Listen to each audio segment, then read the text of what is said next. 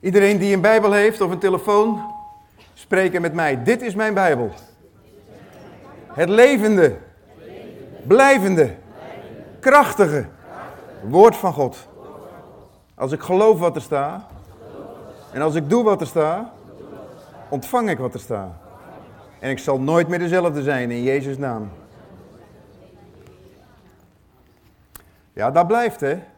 Ik kijk wel eens naar andere kerken en heel breed kijken, kerkelijk, wereldwijd. En dan zie ik overal fenomenen hier, fenomeen daar. Maar het, het enige wat al 2000 jaar constant is, is dit, dit woord van God. Een testament. Een laatste wil. Een laatste wil van degene die afscheid nam. Hij heeft gezorgd, de Heer Jezus Christus, dat we, dat we niet als wezen achterlaten. Maar hij heeft eh, drie dingen eigenlijk achtergelaten. Weet u het nog, wat Jezus achtergelaten heeft? Toen hij wegging. Het eerste is zijn Heilige Geest.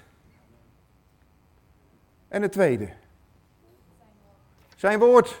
Oeh, we hoeven niet meer te gissen en, en, en nee joh, we hebben het zwart op wit. En het derde, wat is het derde wat Jezus eigenlijk achtergelaten heeft? Zijn lichaam. De gemeente. Dus de gemeente is zo kostbaar. Ik hoor wel van mensen die zeggen, ja, ik heb de gemeente niet nodig. Maar weet je, de Heer Jezus die heeft gaven gegeven aan de gemeente, aan de kerk. Dat, dat zijn giften die Jezus gaf. Apostelen, profeten, herders, leraars en evangelisten. En ja, wij bidden dat God in de gemeente zijn die gaven. Niet thuis op de bank of ook niet thuis of voor de tv, hoe mooi dat, uh, dat de prediker ook is, uit Amerika of uit weet ik veel waar. Maar in de gemeente wil God die gaven geven aan jou, aan iedereen, aan mij. En als Jezus gaven geeft, ja, het zou toch wel jammer zijn als we de gaven van Jezus gaan missen. En die missen we thuis op de bank. Dus het is goed dat u hier bent vanmorgen. En voor degenen die thuis video kijken, voel je niet bezwaard, beschuldigd. Maar ik zou zeggen, eh, als het enigszins kan, kom volgende week gewoon naar een kerk bij je in de buurt of waar dan ook. Koninkrijk van God is breder dan open deur. Maar zorg dat je erbij komt. Oh ja, ik ben oud, maar wie zong dat liedje? Zorg dat je erbij komt. Wie zong dat nou? Doris. Wie kent Doris nog? Ja, zie je wel, dat is maar 10%. Dat is een goed teken, mensen, want degenen die het niet kennen, die zijn wat jonger. Dat zijn alleen die oude ballen zoals ik, die kennen nog Doris. Ja. Hij heette eigenlijk Tom Manders, geloof ik, of niet? Een Rotterdammer. Ja, Jacques, dan ben je vereerd natuurlijk. Een Rotterdammer, echt een Rotterdammer. Zorg dat je erbij komt, bij de marine moet je zijn. Ja. Nou, ik zou zeggen, dat is ook het strijdlied van veel christenen. Zorg dat je erbij komt. Bij Jezus moet je zijn. Lieve mensen, je kan uh, een beetje religieus zijn of wat gelovig zijn. Maar ik las van de week nog in een boek en ik vond het wel een hele harde uitspraak. En hij zette mij toch aan het denken. En die schrijver die schreef, die schreef, je kunt beter van honger sterven dan het woord van God niet begrijpen. Oeh. Je kan beter van honger sterven dan het woord van God niet begrijpen. Dus hoe belangrijk is dat? Belangrijker dat je dit begrijpt en toepast in je leven. Dan dat je doorgaat met leven tot er een eind aan komt en je voor eeuwig bij God vandaan bent. Dus ik vond dat wel een uh, krappe... Maar het boek ging over vreugde. Van John Piper. Vreugde in God. Het ging alleen maar over blijdschap. En als je kijkt waar God blij over is, weet je waar God blij over is trouwens? Zegt de Bijbel. Dat mijn kinderen in de waarheid wandelen. Als wij bidden, zegt de Bijbel. En in de waarheid wandelen. Dus ons gebed, ik zal er nog eens misschien een preek over houden, maar God is blij, die draait een pirouetje als die ziet als zijn kinderen bidden. En weet je waarom dat hij daar blij over is? Waarom is God nou blij als zijn kinderen bidden? Zijn grootste vreugde is in de verhoring van jou en mijn gebed. Ah, dat is wat. En daarom moeten wij de gebeden bidden die God in ons hart geeft. Want God verheugt zich als hij weer een kind ziet smeken en bidden naar zijn wil. Naar zijn wil, niet naar jou en mijn wil, naar zijn wil. En hij kan het verhoren. Ah, en zijn hier ouders in de zaal? Oké, geven jullie je kind wel eens een cadeautje? Wat is nou het leuke om een kind een cadeautje te geven? Dat is toch dat je kind blij ziet worden, of niet? Geen grotere vreugde dan dat je kind blij ziet worden. Als het met je kind goed gaat, gaat het met jou goed. En binnenkort vakantie, opwekking. Weet je wat nou het leuke van opwekking is? Voor ouders met kinderen. Daar zie je kinderen bezighouden. Dat is toch heerlijk? Op alle leeftijden. Oh, geweldig lijkt me dat. Je, huppakee, kinderen, kleuters, volwassenen, jeugd. Allemaal hebben ze wat. En jij kan heerlijk genieten van Gods woord. Wij gaan, uh, wij gaan eerst bidden. Want weet u, u kunt honderden preken horen en duizend keer de Bijbel lezen. Maar als de Heilige Geest niet iets doet in u en mijn hart, dan gaan we dadelijk naar buiten op dezelfde manier als we binnenkwamen. Dan hebben we God niet ontmoet. Het doel van een boodschap is niet dat u weer wat over God gaat horen. Het is niet de bedoeling dat u vanmorgen iets over God gaat horen. Weet je wat de bedoeling is? Dat u iets van God gaat horen. Marjan? Inderdaad. En dat is een verschil, hè? Iets over God horen of iets van God horen. En ik heb ontdekt dat in vele levens, dat we veel gemakkelijker naar samenkomsten gaan om over God te horen. En dat er maar heel weinigen samenkomen om iets van God te horen. Kunnen jullie me nog volgen?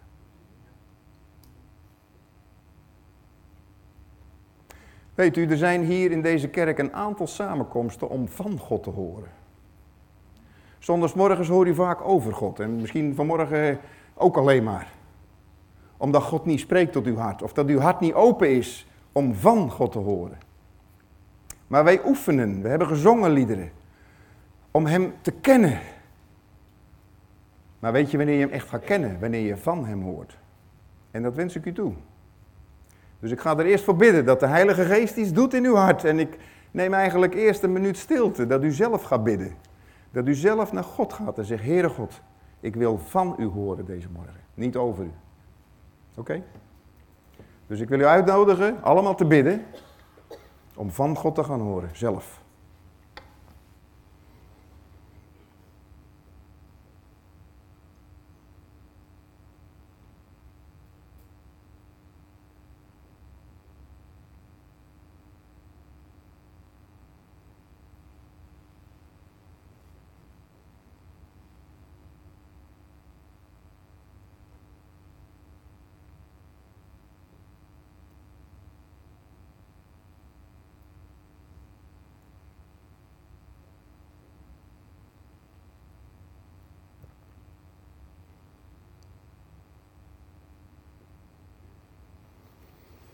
Ja, Heer, we bidden eenparig. Maak uw weg bekend. Dat we uw wegen mogen kennen in ons eigen leven. Uw stem mogen horen en verstaan. Ook dit moment. Spreek, Heer.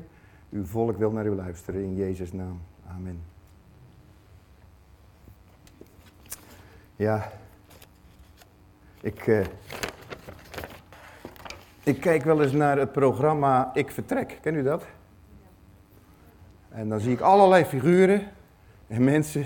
En pas zag ik er een en meneer die sprak met bomen en hij ging er helemaal in op. En, ah, ja, die boom. Oh, deze boom. ja. Ik denk, hoe, hoe ver kan het gaan dat mensen met bomen praten en, en, en echt iets voelen van de boom? Maar de God die spreekt, en misschien mag ik eh, de PowerPoint openen. Hoe spreekt God? En de, en de subtitel is over God horen of van God horen. En pas hadden we een doopdienst en even kijken hoor, Michel die had een tekst ooit. Dacht ik deze, ik heb het zelf uit zijn mond gehoord hè, Michel. En ik weet wel, toen ik vroeger in een kerk zat, zong ik dat lied met, met heel mijn hart. Want lieve mensen, je moet het zelf van God horen. Niet van de prediker, niet vandaag, niet morgen. Je moet het van God zelf gaan horen. Dus volgende week dan... Uh, kunnen we gewoon tegen elkaar zeggen, weet je wat God van de week zei tegen me? Dus van God gaan horen. Ik heb het zelf uit zijn mond gehoord.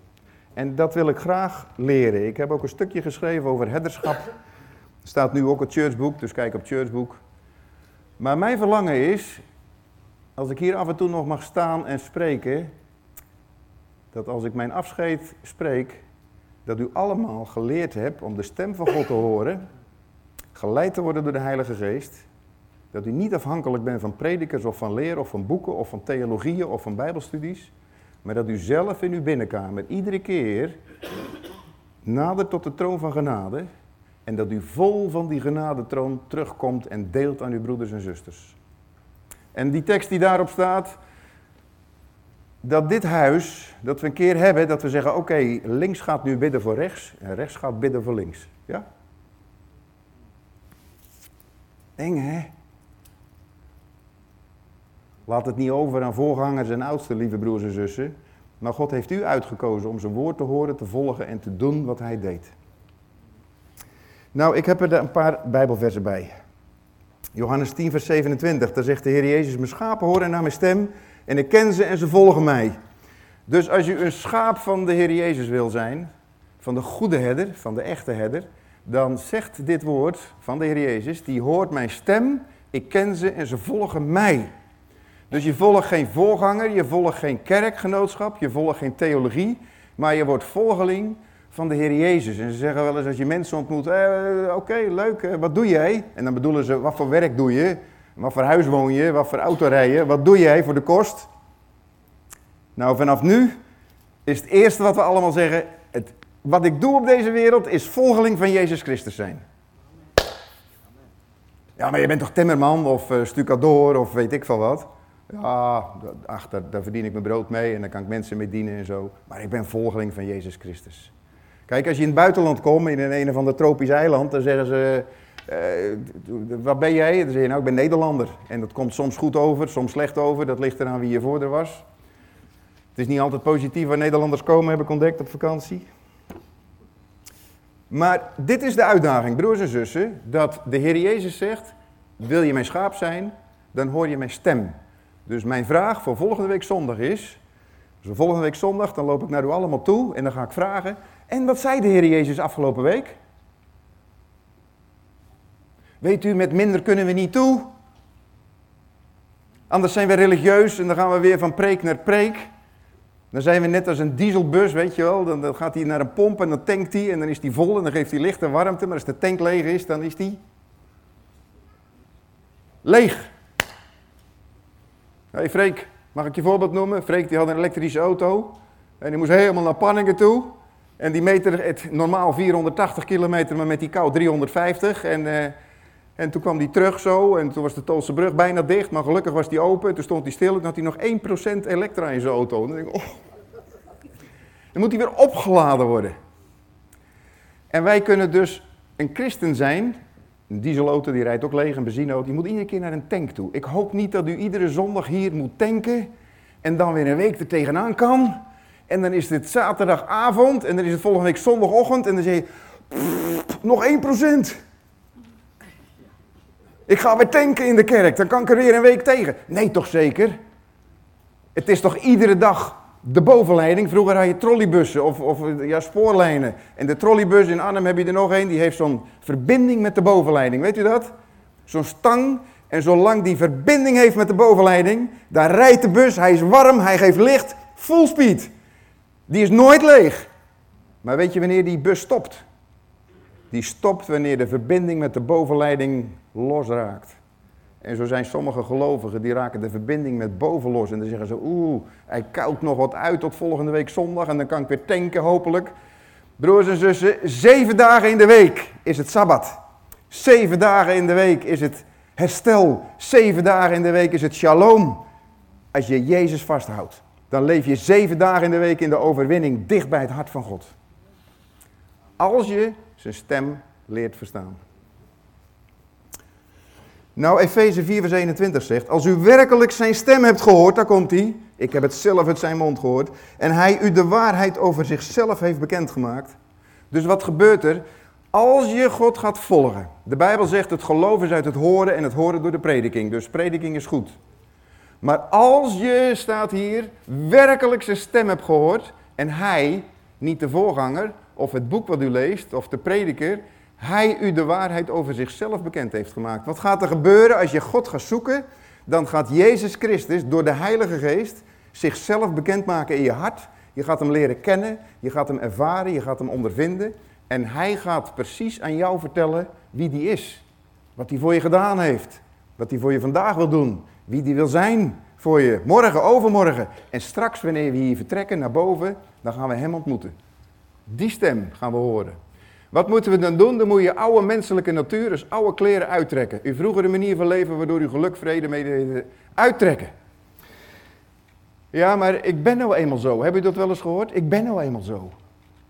De grootste leugen die er bestaat op aarde. Ik ben nou eenmaal zo. Nee, je was zo. Maar je hebt je laten reinigen door het bloed van Jezus. En je gaat gewoon, dat je zegt van, uh, wat ik deed, dat doe ik niet meer. Nou, maar dat is moeilijk. Nee hoor.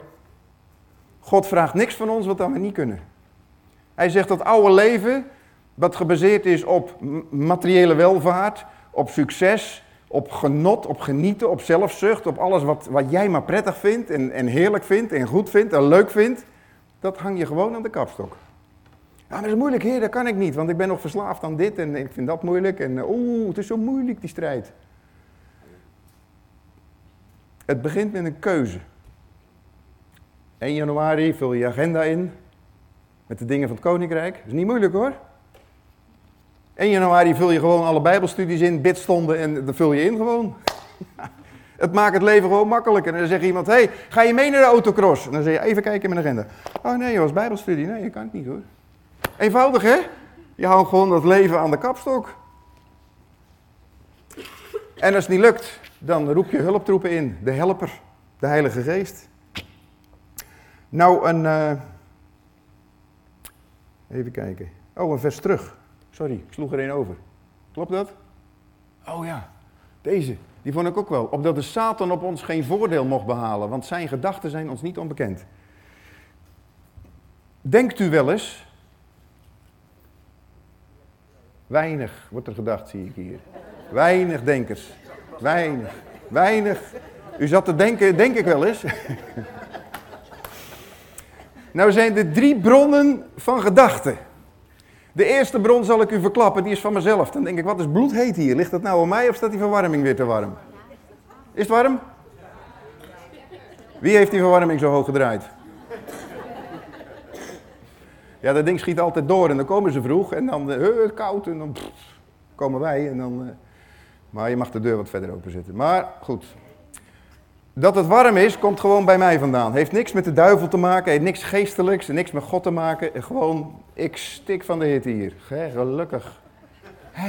ik dacht dat het aan mij lag. Dat denk je dan ook wel eens. Heet, ligt het aan mij of heeft iedereen dat? Hier staat, de gedachten van Satan zijn mij niet onbekend. Zal ik een voorbeeld noemen of kennen u ze ook? Gedachten van Satan die zomaar in je hoofd opkomen. Ik rij op de weg en uh, ik rij gewoon rustig, dus, dus, het is file een beetje, ik pas me gewoon aan. En dan komt er zo eentje en die rijdt dan helemaal voorbij. En die snijdt me dan er helemaal tussen. Dan komt er een gedachte van Satan in mij omhoog. En die zegt, Ad, waar is die mitrailleur? en, als die, en als die stopt, nou dan stap ik uit en dan trek ik die deur open. Heb ik een keer gedaan, dus ik weet waar ik het over heb. Maar goed, toen zei de Heilige Geest, die zei, hé hey Ad, dat is niet goed, hè? zou de Heer Jezus niet doen. Hè? Die zou voor die man bidden, want misschien heeft hij wel haast en zijn vrouw moet bevallen en weet ik allemaal wat. Dus ik leer in het leven mijn gedachten te filteren. Zijn het gedachten van mezelf? Komen ze bij de duivel vandaan? Of komen ze bij de Heilige Geest vandaan? Meer bronnen hebben we niet, lieve broers en zussen. Dus al onze gedachten komen ergens vandaan. Nou, Paulus die zegt, zijn gedachten zijn mij niet onbekend. De gedachte van de duivel is, uh, zet hem op, uh, laat toch maar joh, alle christenen zijn niet te vertrouwen, de kerk is waardeloos, uh, ik, ik geloof het, ik heb het gehad met die kerk. Ik, allemaal gedachten die niet van de Heilige Geest komen, dat weet ik wel. Misschien van mezelf of van de duivel, maar niet van de Heilige Geest. De Heilige Geest zegt, vergeef. Wees genadig. Heb lief. Laat over je heen lopen. Wees de minste. Dat is de Heilige Geest. Dus in mijn gedachten speelt zich een strijdtoneel af, zou je kunnen zeggen. De gedachten van Satan zijn mij niet onbekend, maar de gedachten van de Heilige Geest zijn me ook niet onbekend. Ken u dat? Dat de Heilige Geest gedachten in jouw gedachten denkt. Nog eens zeggen. De Heilige Geest denkt in jouw gedachten. Kun u nog volgen? Dus waar komen mijn gedachten vandaan? Van mezelf, de duivel of de Heilige Geest. En wij willen ontdekken dat wij heel veel, als je de Heilige Geest hebt, zijn er heel veel gedachten van een christen die jou in gedachten gebracht worden door de Heilige Geest. Nou, Efeze 5, vers 10. Huh? Dicht.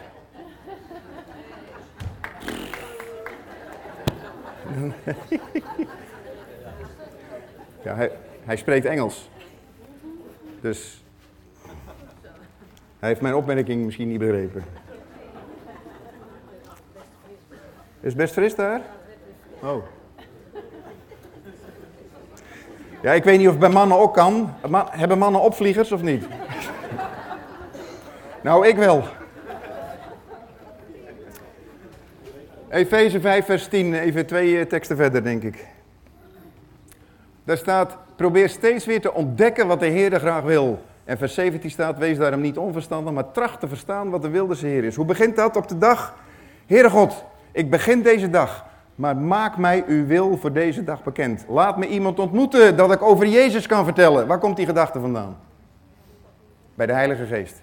Heere God, ik ga vandaag een monteur ontmoeten. Ik, ik ontmoet wel eens monteurs hier in de kerk. En, en dan altijd dan denk ik, oh heer, ja, weer een kans om van u te vertellen. Oh, dan pak ik even het boekje van Herman Boon en die twee babytjes erbij. Heer, laat, geef het een opening. Waar komen die gedachten vandaan als ik dat zit te denken? Ben ik nou zo goed, zo vroom? Dat zijn gedachten die de Heilige Geest mij ingeeft. Dus als ik dat gedacht heb, dan dank ik God voor die gedachten. Kun je me nog volgen? Ik ga God danken voor de heilige gedachten die Hij mij influistert. Zo leer ik verstaan wat God tegen mij zegt. Daar oefen ik in. Ik tracht te verstaan wat de wil van God is. Ik, ik strek me eruit. Ik wil ontdekken, Heer, wat zegt u vandaag? Ik zou je nog een geheim vertellen. En ik gebruik mijn huwelijk wel eens als voorbeeld ervoor. Ik zal je naam niet noemen. Maar ik als man, sinds de zondeval, schiet tekort om mijn vrouw het geluk te geven wat eigenlijk bedoeld is door God dat ik mijn vrouw zou geven. Nog eens zeggen, sinds de zondeval schiet iedere man tekort om zijn vrouw te geven wat ze werkelijk behoefte is. Mannen, is dat een...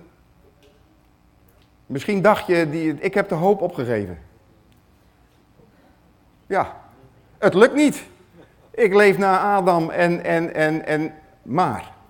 Het grote verschil is, mannen, als je je vrouw echt gelukkig wil maken zoals God het bedoeld heeft, dan moet je dit doen. Ik wil ontdekken wat de Heer wil, hoe ik ben voor mijn vrouw. En als ik alles op alles zet om dat te doen, dan schiet ik nog veel tekort. Maar mijn vrouw zal gelukkiger zijn dan wanneer ik denk van ja, ho eens even 50-50 hoor, ik heb ook mijn rechten. Uh, jij jouw speeltje, ik mijn speeltje, toch? Nou, we dwalen even af, dat zie ik wel. Het is een, uh, ik zie uh, ook nog een fronste wenkbrauwen nu. Ontdekken wat God graag wil. Ik wil u uitdagen deze week. Heere God, wat wil u in mijn leven? Even nog een uitstapje. Over 75 jaar. Als je dan terugkijkt op je leven. En je maakt de balans op. Dan kijk je terug over 75 jaar op je leven. Over 75 jaar. Dan ben je 140. dan kijk je terug op je leven en dan, dan heb je, wat heb je dan gepresteerd en bereikt? En wat is dan jouw erfenis die je achter wil laten? Moet je eens over nadenken. Ja, volgende week hoor ik het graag. Als ik geleefd heb op deze planeet, dan hoop ik dat ik, en dan moet je met de prioriteit beginnen. 1, 2, 3 heb achtergelaten op deze wereld. Een miljoen, een groot huis, carrière, kinderen, kinderen van God achterlaten. Oké, we gaan dat manier. Romeinen 12, vers 2. Ik moet even door. U moet niet worden als de mensen die zich niets van God aantrekken. U moet anders worden door een nieuwe manier van denken. Dan kunt u ontdekken wat God wil. En wat Hij wil is goed, aangenaam, volmaakt. Een nieuwe manier van denken. Dus dat is niet zo van ik ben nou eenmaal zo, ik denk nou eenmaal zo. Nee, ons denken wordt vernieuwd van dag tot dag door de kracht van de Heilige Geest. Dus wij gaan anders denken. Denken over onszelf. Mensen die uh, afwijzing hebben meegemaakt, die verworpen zijn, die gaan denken en zien dat God van hen houdt, dat hij het allerbelangrijkste gegeven heeft om jou te redden. Dus afwijzing en afgewezen blijven hoeft niet in het koninkrijk van God. Want je kan nieuw gaan denken dat God er alles voor gedaan heeft om jou te redden. Hij is mens geworden, hij is aan een kruis gaan hangen om jouw leven te veranderen voor nu en voor de eeuwigheid. Dat is een nieuwe manier van denken. Voor iedereen die zegt van ja, maar ik heb de grote neus, de grote oren, fijn, u kent mijn verhaal. Een nieuwe manier van denken, dank u. En dan maak je een fout en dan zondig je en dan baal je van jezelf. Je hebt een mishaar aan jezelf en dan zeg je, dank u voor het kruis. Hé, hey, ik laat me niet naar beneden draaien. Want de duivel komt met schuld en schaamte om jou een rotgevoel te geven, naar beneden te laten draaien, in een draaikolk te komen en er nooit meer uit te komen. Dat zijn duivelse gedachten. En dan komt de Heilige Geest en die zegt, jij bent kostbaar in mijn ogen. Ik, de grote ruiland kruis, jij hoeft niet meer te lijden in de eeuwigheid. Ik heb geleden, zodat jij voor eeuwig in de hemel kan zijn, waarop gerechtigheid is. Waar liefde is, waar geen oorlog is, waar geen verdriet is, waar geen ziekte is, waar geen dood is. Dat is een nieuwe manier van denken. 1 Korinthe 2 vers 16. En dit is eigenlijk mijn kerntekst waar ik het over wil hebben. En ik heb er al iets van gezegd. 2, 1 Korinthe 2 vers 16. Wel nu, onze gedachten zijn die van Christus, staat in het boek. Maar wij hebben dezelfde manier van denken als Christus gekregen heeft. Als Christus gekregen, zodat wij hem kunnen begrijpen. En de basisbijbel. Nog eens denken. Wat staat hier eigenlijk, lieve broers en zussen? Even heel wakker zijn nou. Even iedereen die slaapt, even wakker worden, want hier gaat het om. Wel nu, onze, mijn gedachten, zijn die van Christus. Durf u dat te zeggen? Durf u zich dat toe te eigenen? Durf u ervan uit te gaan als u dadelijk denkt van... hé, hey, ik kijk eens even rond, die ga ik even verrassen met een bak koffie dadelijk. Durf u dan te denken, oh dank u wel heer, dat u mij zo'n goede gedachte geeft over die persoon dat ik een bak koffie ga halen. Wat betekent nou dit vers?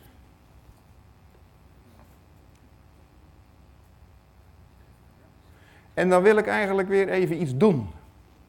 Niet horen over God, maar nu even horen van God. Dus ik wil eigenlijk dat u even naar God toe gaat. Zittend op uw stoel, met uw ogen dicht of ogen open. En dit even met God gaat overleggen. Wel nu, mijn gedachten zijn die van Christus. Ik heb dezelfde manier van denken als Christus gekregen. Wat, wat, wat brengt dat in u teweeg als u nu even naar God gaat? En dit gaat mediteren en tegen God gaat zeggen en vragen: Heere God, wat bedoel u nou met dit vers in mijn leven? Ik neem daar gewoon even tijd voor. En ik wil vragen dat u van God nu iets gaat verwachten en gaat vragen Heere God, geef u mij nou gedachten over dit vers, dat het gedachten van u zijn, zodat ik uw gedachten ga denken.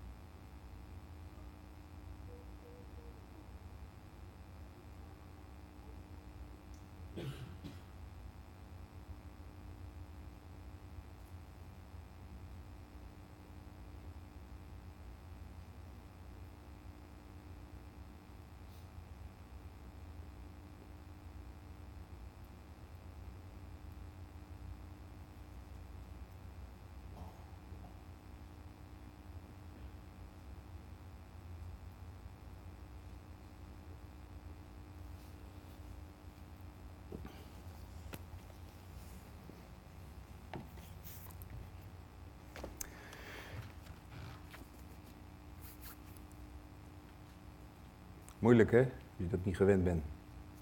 Het is toch geen preek meer dit. Ik hou veel meer van een preek waar ik lekker naar kan gaan zitten luisteren en dadelijk koffie drinken en hoog het zeggen, nou het was weer een goede preek vandaag. Maar daar gaat het niet om, lieve broers en zussen. Het gaat er niet om dat we horen, maar dat we gaan doen. In praktijk brengen wat het woord zegt. En ik hoop dat u met dit vers deze week nog eens gewoon thuis aan de gang gaat. Dat u stille tijd neemt, tijd afzondert een afspraak maakt met God, daar begint het bij. Een afspraak maken met God. Heere God, ik maak met u een afspraak. dat ik dit deze week ga doen. Als u namelijk die afspraak niet maakt, weet u wat er dan gebeurt deze week?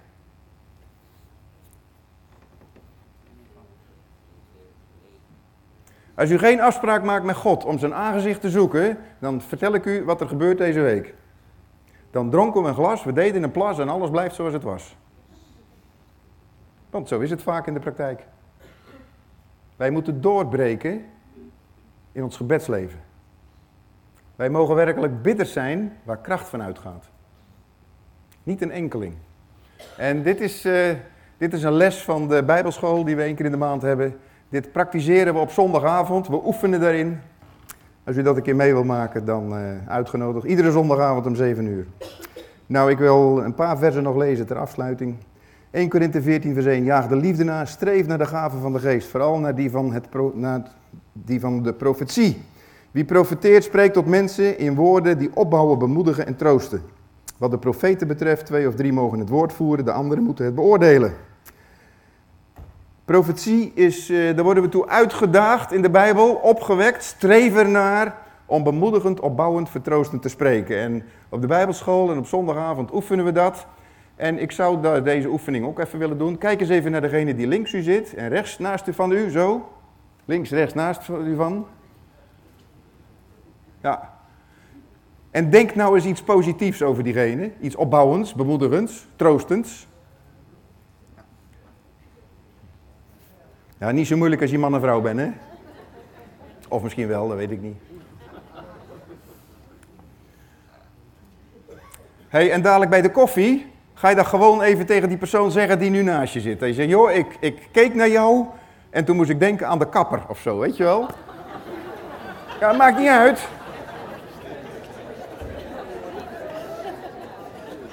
Nou ja, ik bid ervoor, Heere God, geef me nou een gedachte over die persoon. Nou, dat, ja, dan denk ik aan de kapper. En misschien kan die persoon er wat mee, misschien niks.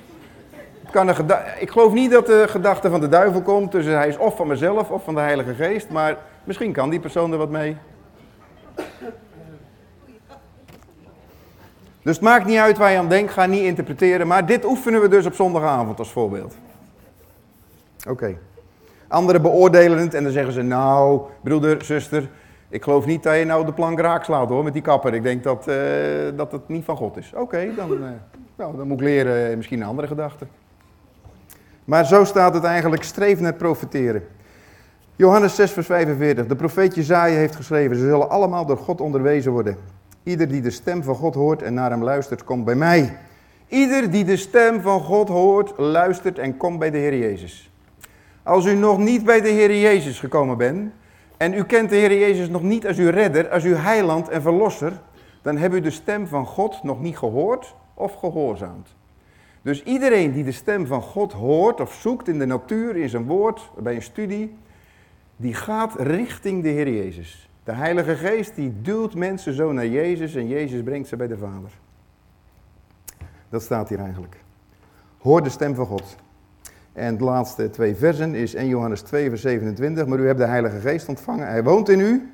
Daarom hoeft niemand anders u te leren wat God wil, want hij zelf is uw leraar. Wat hij zegt is de waarheid en geen leugen. Doe daarom wat de Heilige Geest u geleerd heeft en blijf één met Christus. Dus het belangrijkste van vandaag, de les, broeders en zusters, is niet wat de prediker zei. Is niet wat alle PowerPoint zeiden. Het belangrijkste is dat de Heilige Geest van God in uw hart iets zegt. Om te ontvangen, te doen, te vragen. De Heilige Geest, als je die ontvangen hebt. En als je nou nog niet weet of je die Heilige Geest hebt. Zeg ja, ik geloof wel, maar heb ik de Heilige Geest nou ontvangen? Nou, kom dan een keer eh, voor een gesprek met een van de oudsten. Zodat die bidden, dat je samen bidt, dat je zeker weet dat de Heilige Geest een onderpand is. Als je dadelijk in de hemel komt, dan kijkt God niet van heb je gedaan, welke kerk ben je geweest, heb je goede daden gedaan, heb je gezondigd, heb je niet gezondigd. God kijkt maar naar één ding. Dan gaat de brievenbus open en dan kijkt hij wie er binnen zit en dan ziet hij de geest van zijn zoon en dan zegt hij kom maar binnen. Dus het gaat niet meer om jou, het gaat erom dat God de geest van zijn zoon binnen kent, ontmoet. Zoon van God worden. En al dat andere, dat komt dan. Nou, hij zal mij verheerlijken, wat alles wat hij jullie bekend maakt, heeft hij van mij. Dus de Heilige Geest en de Heer Jezus en de Vader. Ja, Kees Grager zou zeggen dat is een eh, familiebedrijf. Ja, ze doen het samen. En God in de eeuwigheid, de bron van liefde is Hij zelf. Hij moest een drie-enig God zijn om te kunnen liefhebben. Liefde uitzicht namelijk in een, in een ander. Je kan niet in je uppie gaan zitten liefhebben. Je moet een bron hebben om lief te hebben. En daarom is er een vader, een zoon en de Heilige Geest die de band is tussen de vader en de zoon. Nou, wat doen we nu met die dingen? De Heere God die weet dat het moeilijk is, dit. En daarom heeft de Heer Jezus iets achtergelaten, een instelling, het avondmaal. En heeft gezegd en geleerd, en voor degenen die de Bijbel kennen, die weten dat. Ik stel iets in, dat is een symbolisch iets. Dan denk je aan mijn dood, je denkt aan mijn opstanding, je denkt aan een bruiloftfeest, je denkt aan mijn wederkomst. Allemaal denken we eraan dat we eens die maaltijd met hem zullen vieren in zijn koninkrijk volmaakt. En we noemen dat avondmaal vieren. Hij deed dat als voorbereiding op zijn sterven. En als wij een stukje van dat brood nemen en een, en een slokje van die druivensap, dan denken wij eraan. Het is een gedachtenismaal, het is een feestmaal. Laten we er halve feest vieren, zegt de Bijbel, want ook ons paaslam is geslacht. Het is een dubbel feest, een dubbele gedachtenis. Een herdenking. Gisteren sprak ik mijn zwager, mijn zus, die zou jarig geweest zijn. En ze is korte tijd geleden overleden. En mijn zwager is nu alleen. Hij zegt, maar wat heeft zij het goed. Hij zegt, ik mis ze iedere dag. Maar oh, wat geweldig heeft zij het. Oh, wat een toekomst hebben we. Zij is er al, wij moeten nog. Dat is de realiteit voor een christen die sterft. Het beste komt nog. Het afscheid is erg. Het alleen zijn is verschrikkelijk. Maar de zekerheid dat het dadelijk oneindig veel beter is bij onze koning. Oh, dat is zo'n troost. Dan kan je verder. Hij zegt, kom op hé, zit niet... Tuurlijk mag je rouw hebben, tuurlijk mag je huilen. Maar hé, hey, de blijdschap van haar behoud, van zijn vrouw, mijn zus, die overstijgt alles. En daar denken we ook aan bij dat avondmaal. En daarom willen we gedenken en geloven. Als we dit opheffen naar God toe. En ik wil u uitnodigen als u zegt, ja, ik wil niet achteruit kijken, maar ik wil vooruit kijken. In de vergeving van mijn zonden. In de verzoening van het lichaam van Jezus. In zijn bloed denk ik eraan dat ik schoongewassen ben, gereinigd ben, kracht ontvang.